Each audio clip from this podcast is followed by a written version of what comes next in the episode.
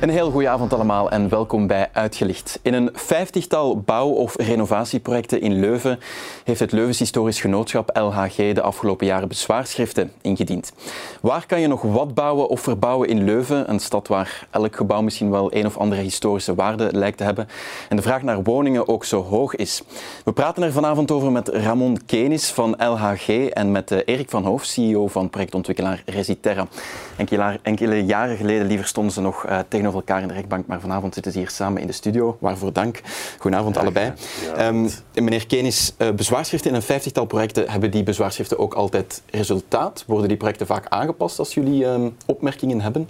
Ja, het is eigenlijk een stadium van bezwaarschriften waarbij we eerst moeten teruggaan naar de eerste fase. Dat is eigenlijk beïnvloeden van de kwaliteit van de projecten bij de stad. Dat wil zeggen, we geven informatie uh, vanuit onze 100 jaar ervaring natuurlijk. Mm -hmm. En dan komt eigenlijk als dat uh, gebeurd is, waardoor we al een heel stuk hebben kunnen mee het project begeleiden, en dat is ook gebeurd in de Hertogensiete, dan komt eigenlijk het punt dat we afwegen welke dingen zijn nog knelpunten. En dan wordt er eigenlijk een bezwaarschrift ingediend, gelimiteerd en met de juiste bedoeling van ja. op sommige punten. En krijgen jullie vaak gelijk? Worden er vaak dingen aangepast dan? Het is te zeggen, uh, de aanpassingen gebeuren meestal in de, vorige, in de vroege fase. En ik denk ook aan Hertogensiete hebben we de klankbordgroep gehad.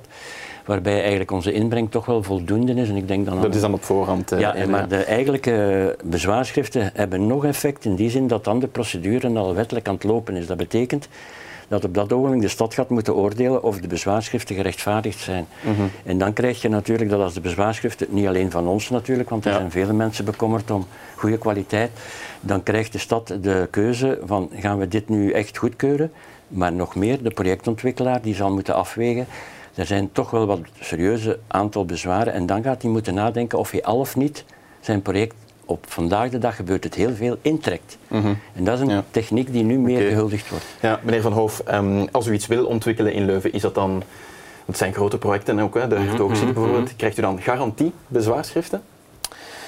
Uh, goh, ik moet zeggen dat dat over de jaren ook wel uh, veranderd is. Uh, we zijn nu... gestegen of gedaald? Of, of gestegen, hè, gestegen. Ja. Ja, we zijn nu een twintigtal jaar bezig in Leuven. Twintig jaar geleden was dat zeker niet, niet de gewoonte dat men in beroep ging. Dan waren de procedures ook anders. We moesten naar de Raad van State gaan. Ah, en dan ja, zat okay. direct, het is gemakkelijker geworden misschien ook om ja, mondiger te zijn. Om... Ja, ja, zeker vast. Maar ik denk dat de burger mondiger geworden is. maar ik denk ook dat de procedures gewijzigd zijn. En dat mm -hmm. inderdaad dat het eenvoudiger geworden is. Te makkelijk misschien, vindt u? Of, ja, te makkelijk. Ik denk, we leven in een democratie. Hè, dus iedereen staat het vrij om zijn mening uh, te verkondigen en te verdedigen. Mm -hmm. we moeten natuurlijk wel zorgen dat, dat er ergens nog ontwikkeling mogelijk is, dat er consensus mogelijk is. Mm -hmm. uh, in het geval uh, van de hertogen hebben, hebben we daarvoor, wat Ramon net zei, die klankbordgroepen destijds uh, georganiseerd, mm -hmm. ja, om, om, een breed draagvlak trachten te creëren. Ja. Sluit dat alle... Um, hoe zou ik zeggen, sluit dat alle oneenigheden uit? Nee, niet ja, helemaal. Dat is natuurlijk moeilijk. Nee. Hè? Dat, is, dat is moeilijk. Want, Zeker voor grote, complexe projecten, denk ja, ik. Want die, die klankbordgesprekken die kwamen er dan na een, een vorig dossier, de verpleegsterschool, waar jullie toch uh, jarenlang een beetje op elkaar vastliepen. Um, waar Resiterra woningen ontwikkeld. Het is eigenlijk gekoppeld aan die. Uh -huh. um, nu, LAG vocht die vergunningen meermaals aan. Dan was er van jullie een, een claim van 100.000 euro's voor, voor de rechter. Nu, uiteindelijk kwam er wel de verzoening. Hoe kijkt u daar eigenlijk zelf op terug nu, op, op die jaar? Want ik, ik, als ik dat bekijk, dan denk ik, daar is heel veel tijd en geld verspild in procedures. Ja, uh, ik denk dat niemand dat graag doet. Ik denk dat Ramon dat niet graag gedaan heeft. Wij hebben dat ook niet graag gedaan. Uh, maar was het niet beter om elkaar op voorhand te bellen? Um, dat is een, eigenlijk een langdurig proces. Hè? Ja, dat is ook niet zo dat je daar uh, te... Dat zeg, je moet daar eigenlijk ook correct in blijven en je respecteert mekaars uh, rol. Mm. Dat is ook ja. een punt. Ja. Mm -hmm. En daar komen dus altijd oneenigheden, niet oneenigheden in de zin van conflict, maar dus een andere visie ja. over wat uh, belang is, gemeenschappelijk. Maar de vraag is, moet je dat voor een rechter gaan uitvoeren of in procedures kan je op voorhand elkaar niet gewoon... Uh, Meestal gebeuren bellen? er al een hele hoop correcties hè, die in die klankbordgroep eigenlijk de zaken al voor een heel stuk haalbaar maken, want het is nooit de bedoeling ook bij een, uh, laten we zeggen, zelfs een procedure van een project op zichzelf tegen te houden. Wij hebben daar nooit een probleem rond gehad dat een project in de stad, die toch wel spectaculaire uitstraling heeft, Leuven, dat dat zou tegengehouden worden of ja. niet uitgevoerd worden. Dat is een andere zaak nog. Dat is voor ons eigenlijk not done. We proberen mee te werken. Want jullie kunnen nu wel samen door de deur. Is dat met uh, alle projectontwikkelaars zo in Leuven? Uh, meer en meer. Ik moet zeggen, op dat vlak hebben we natuurlijk een goede leerschool gehad. Ze weten nu te vinden misschien. Uh, ja, en het is heel, heel, heel raar. We krijgen de laatste maanden preventief ook wel het seintje dat zij bereid zijn om hun plannen die zij natuurlijk met de gemeenten hebben aangekaart al en die al in een vrij vroeg stadium door hun al mhm. in vorm zitten, om dat dan toch te toetsen. Ja, en dan hebben we natuurlijk uh, een goed moment om te zeggen, kijk, wij hebben kennis genomen van jullie project, als ze open kaart spelen, we krijgen die bij ons ook in het secretariaat dan met een goede afsprakenreeks. En dan kan er wel een heel pak uitgeklaard worden, vooraleer dat ze definitief indienen. Maar het is ook niet zo dat dan daar de, laten we zeggen, de, de, de sfeer er dan is. We gaan het oplossen, want dat is natuurlijk een stuk ja. gedragen beslissing die zij moeten nemen ja, binnen kamers. Want jullie dienden onlangs ook um, bezwaarschriften in tegen het ombouwen van het pand van uh, Connections hè, op, het, op het Hoeverplein, omdat de universiteitsgebied niet helemaal zichtbaar zou zijn of op een andere manier. Ook tegen de renovatie van de silo's aan de vaart komen. Allee, we hebben geen tijd om, om alle projecten op te, op te noemen. Um, maar natuurlijk, elke steen, zoals ik in de inleiding al zei, in Leuven heeft misschien wel historische waarden. Hè? Maar als die stenen allemaal moeten blijven liggen, ja, dan kan je dan eigenlijk nog wel een stad vernieuwen. Ja, dat is natuurlijk uh, een uitgangspunt waarbij we eigenlijk stellen dat 90, 90 van de gebouwen kunnen in Leuven, als ze versleten zijn natuurlijk, vernieuwd worden. En we hebben een 10% van gebouwen die waardevol zijn. Mhm. Als je het gewoon bekijkt in zijn totaliteit. Nu is de vraag natuurlijk, als de overheid zelf een keuze maakt in haar erfgoedbeleid om ook de uitstraling van de stad wereldwijd mogelijk te maken, en dat doen ze eigenlijk goed, dan is het ook wel nodig dat die overheid consequent is. Dat wil zeggen, wie A zegt, moet B zeggen. Mhm. Als er bescherming door hun in het leven geroepen wordt, moet die bescherming ook gerespecteerd worden. En daar ligt het schoentje dan gebonden. Dat men eigenlijk op bepaalde ogenblikken in het Hoeverplein heeft men dus eigenlijk toch wel de, het unieke monument van de bibliotheek. Waarbij mhm. dus de zichtbaarheid van die bibliotheek, een van de kenmerken is de zichtbaarheid van een erfgoed, uh, waar dat in zekere mate door de te hoge gebouwen daar op de kop van de Hoeverplein in het gedrang komen. En het is dan wel in dat opzicht wel van belang dat ook de universiteit wakker wordt en zegt, kijk, Jullie zijn allemaal akkoord dat wij wereldwijd als universiteit een uitstraling hebben, maar door te dicht op ons icoon te komen... Zou Doet de stad dan te weinig? De uh, stad, stad, heeft in dat opzicht waarschijnlijk dikwijls de, de situatie dat de promotoren de weg naar het stadhuis zeer goed kennen. Mhm.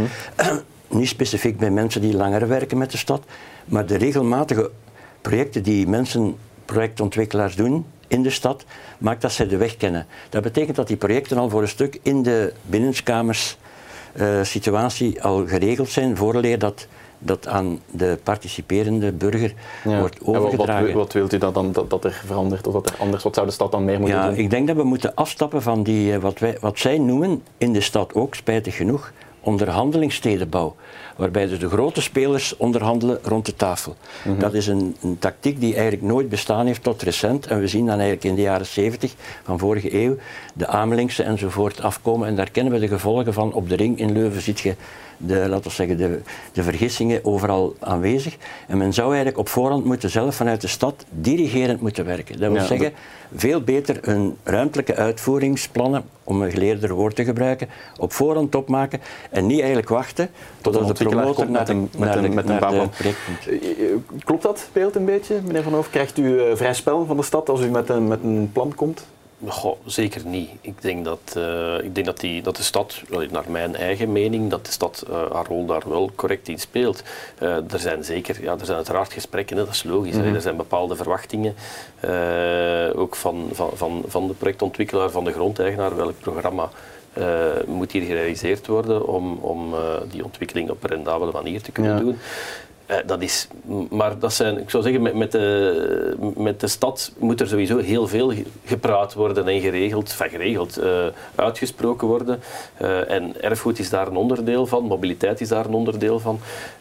dus ik vind het normaal dat, dat, dat een stad daarin ja, misschien niet, zo, niet zo echt proactief kan in optreden. Ja. Want ja, bepaalde sites die gaan misschien nog tientallen jaren ja. uh, zijn wat ze zijn. Maar de vraag is dan natuurlijk, als u, als u komt met een, met, een, met een blauwdruk van een plan, of u dan in eerste instantie ook genoeg rekening houdt met het maatschappelijk belang van het ontwikkelen van zo'n site. Of gaat het dan voornamelijk, enfin, het gaat over uh, rendabel zijn hoor ik u zeggen, dus over zoveel mogelijk appartementen zetten, maar Maakt dat een stad ook altijd wel leefbaar? Ja, ik, ik kan niet veranderen de projectontwikkelaar spreken natuurlijk, maar wij, wij zelf proberen daar toch van in het begin ook rekening mee te houden. We weten ook wat de, de, de, gevoel, wat de maatschappelijke belangen zijn. Ja, wat doen jullie dan zo wel concreet bij, bij projecten? Wel, ik denk uh, dat gaat over heel wat uh, stedenbouwkundige lasten, zoals men dat noemt. Hè. Mhm. Die, die, uh, die worden afgesproken. Dat gaat over sociale huisvesting. Dat kan gaan over, destijds noemden we dat geconventioneerde woningen en woningen die aan een, aan een maximumprijs worden verkocht.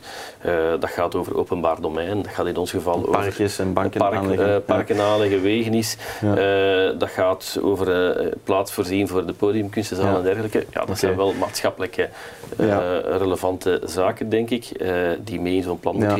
Meneer Kenis, het, het, is misschien door meneer Van Hoof, dat, uh, want de verpleegsterschool dat was niet meteen de, de meest bruisende omgeving van, uh, van Leuven. Het is misschien door meneer Van Hoof dat er daar opnieuw leven in de brouwerij komt, hè, in dat stad. Ja, het is, is, in ieder geval een verdienste van iedereen die ontwikkelt dat er iets gebeurt in, voor de toekomst. Maar door procedures wordt het, ja, wordt het ook wel moeilijker altijd hè, voor, voor ja. projectontwikkelaars om, om er iets te doen. Mensen moeten ook langer wachten op hun huis misschien. Ja, het is ook wel een megaproject dat... Uh, eh, de promotor eigenlijk onder handen neemt. En dat zijn drie achter elkaar lopende projecten geweest over 30 jaar. Ja, ja, ja. En daar ligt ook wel een probleem, denk ik, eh, niet zozeer in, in, in de negatieve zin, maar een uitdaging om die langdurige projecten. Men spreekt soms vanuit de stad, we hebben de kanker opgelost, maar de kanker is eigenlijk ook voor een stuk veroorzaakt door 30 jaar immobilisme. Dat wil niet zeggen dat er ondertussen gewerkt wordt, maar men heeft op een bepaald ogenblik de totaal massaplan voorrang gegeven, waardoor de ziekenhuiszitten de plaats waar wij nu in deze fase ook zitten, dat daar dus eigenlijk 30 jaar lang eigenlijk geen enkele bruisende stad aanwezig is. En, dan is eigenlijk en dat is dan nalatigheid van de stad, zegt Nee, dat is een visie die de, de, laat zeggen, de vroegere bouwmeester Marcel Smets, ik mag die bij naam noemen, dat hij ook wel heel prominent in heel die grote projecten van Leuven aanwezig is, die sprak eerder over een organische ontwikkeling. Dat wil zeggen dat eigenlijk zo rap als dat je dus een globaal plan hebt, een mhm. structuurplan dat goed zit, maar ook wel geschraagd wordt door uitvoeringsplannen, dat je eigenlijk vrij snel individuele projecten kunt laten doorgaan en niet wachten tot als één promotor, betrouwbaar tot en met, dat hele project over, laten we zeggen, 30 jaar heen gaat uitvoeren, waardoor dus eigenlijk 30 jaar lang en handelaars en mensen tegen een soort steen, versteende woestijn opkijken. Mhm. En dat is toch wel een probleem. Ja, oké. Meneer Van Hoof, um, in hoeverre ziet u het, want dat zagen we gisteren in het nieuws nog eens, Leuven is de duurste stad om te huren, ook de duurste stad om te kopen. In hoeverre ziet u het eigenlijk uw taak ook om, om daarmee voor te zorgen dat Leuven misschien betaalbaarder wordt op, uh, op termijn? Maar ik denk, hetgeen ik daarnet zei, uh, wij zetten mee in op een stukje sociale woningbouw. Uh, op een stuk, omdat het moet van de stad, of omdat u het wil? Wel, omdat het moet van de stad, dat, laat dat duidelijk zijn. Hè. Uiteraard uh, vergt dat ook een, een hele financiële inspanning. Um, is dat sociaal wonen of is dat betaalbaar wonen? Want dat is misschien allebei. Er zijn, er zijn gedeeltes echt sociale huurwoningen die al gerealiseerd zijn, die we aan het realiseren zijn. Mhm. En er zijn ook betaalbare, dus woningen die uh, aan de maximumprijs verkocht moeten worden, die zijn ook gerealiseerd. dus ja. enfin, dat is een beetje in samenspraak met, uh, met de stad, uh, waar de stad op wil inzetten. Mm -hmm. maar ja, om op uw vraag te antwoorden naar betaalbaarheid, dat is zeker een probleem. Maar dat is niet alleen een Leuvens probleem, hè. Dat, is, dat is zelfs niet alleen een Vlaams probleem. Nee. als je, je moet er maar de pers eens op nalezen, in Australië is dat ook talk of the town in Amerika, in, in heel wat Europese landen. Maar in Leuven springt het er misschien toch een beetje, beetje, beetje meer uit, want wat u ontwikkelt op de hertogen als ik dat bekijk op de site, mhm. dat, um, of dat zit toch zo in de publiciteit, dat zijn bijna allemaal luxe appartementen als ik het goed heb, iets voor onder de 400.000 euro, dan heb je geen groot appartement, vind je daar niet. Je zou ook kunnen zeggen als promotor, wij zetten daar kleinere appartementen, mensen zijn ook vaker alleen. Ja. Um. Maar, dat is een goed punt. Um, en uh, wij, zijn, wij zitten daar zelf een stukje ook aan de regelgeving gebonden. Uh, alles wat wij moeten realiseren, moet voldoen aan de zogenaamde 90 vierkante meter norm. Mhm. Dat wil zeggen dat wij gemiddeld per vergunningsaanvraag, dus per gebouw laat ons zeggen, een gemiddelde van 90 vierkante meter netto moeten realiseren. Ah, ja, ja. dat vertaalt zich natuurlijk ook in, in hogere prijzen. Dat is iets wat, wat politiek, ja, okay. waar, politiek ook al uh, over gesproken heeft, begrijp ik. Mm om, als ik kijk naar Antwerpen, dan spreekt men daar, dacht ik, over 75 vierkante meter als, als gemiddelde. Dus de regels maken het ook wel een beetje moeilijker. De regels maken het zeker ook moeilijk. En tegelijk, ja, vandaag de dag, als je kijkt naar uh, de, de, de conjunctuur, alle parameters wijzen niet in de juiste richting voor betaalbaar wonen. De rente is uh, enorm gestegen de laatste paar jaar. Dat betekent dat het voor ons om te bouwen duur wordt voor de koper om te kopen duur wordt. Ja. de bouwmaterialen zijn enorm gestegen. Ik, ik zag het onlangs nog over de laatste drie jaar 30 procent. Ja, dat is enorm. Ja. Ik denk dat dat nog nooit gebeurd is. Ehm, En dat is de eh, schuld we van de, van de projectontwikkelaars natuurlijk niet. Nee, oké. De- ja, goh, de, de bouwmaterialenmarkt, hè, dat gaat over staal, dat gaat over beton, dat is een internationale markt. Daar hebben wij, eh, jammer genoeg zou ik zeggen, Ja. eh, geen vat op. Ik denk dat wij ook niet geen vragende partij zijn om meer eh, voor bouwkosten uit te geven dan nodig is. Maar goed, ja, dat is wel, dat is wel, wel een, een realiteit. hè. Ja, oké, goed. We moeten stilaan afronden. Dank u wel voor, ehm, voor de komst en de tijd. En toch fijn dat jullie elkaar ehm, nu wat op, meer op voorhand gaan bellen, denk ik, als er eh, bouwprojecten aankomen. Dank u is wel voor, eh, voor jullie komst. Dank u.